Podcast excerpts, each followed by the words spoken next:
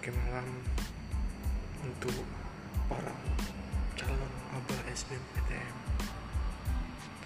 Di sini kalian akan diberi kesempatan untuk menceritakan visi dan misi kalian tentang SBMPTN dengan format nama, kelas, dan jurusan yang mau diambil dan terakhir adalah motivasi. Terima kasih.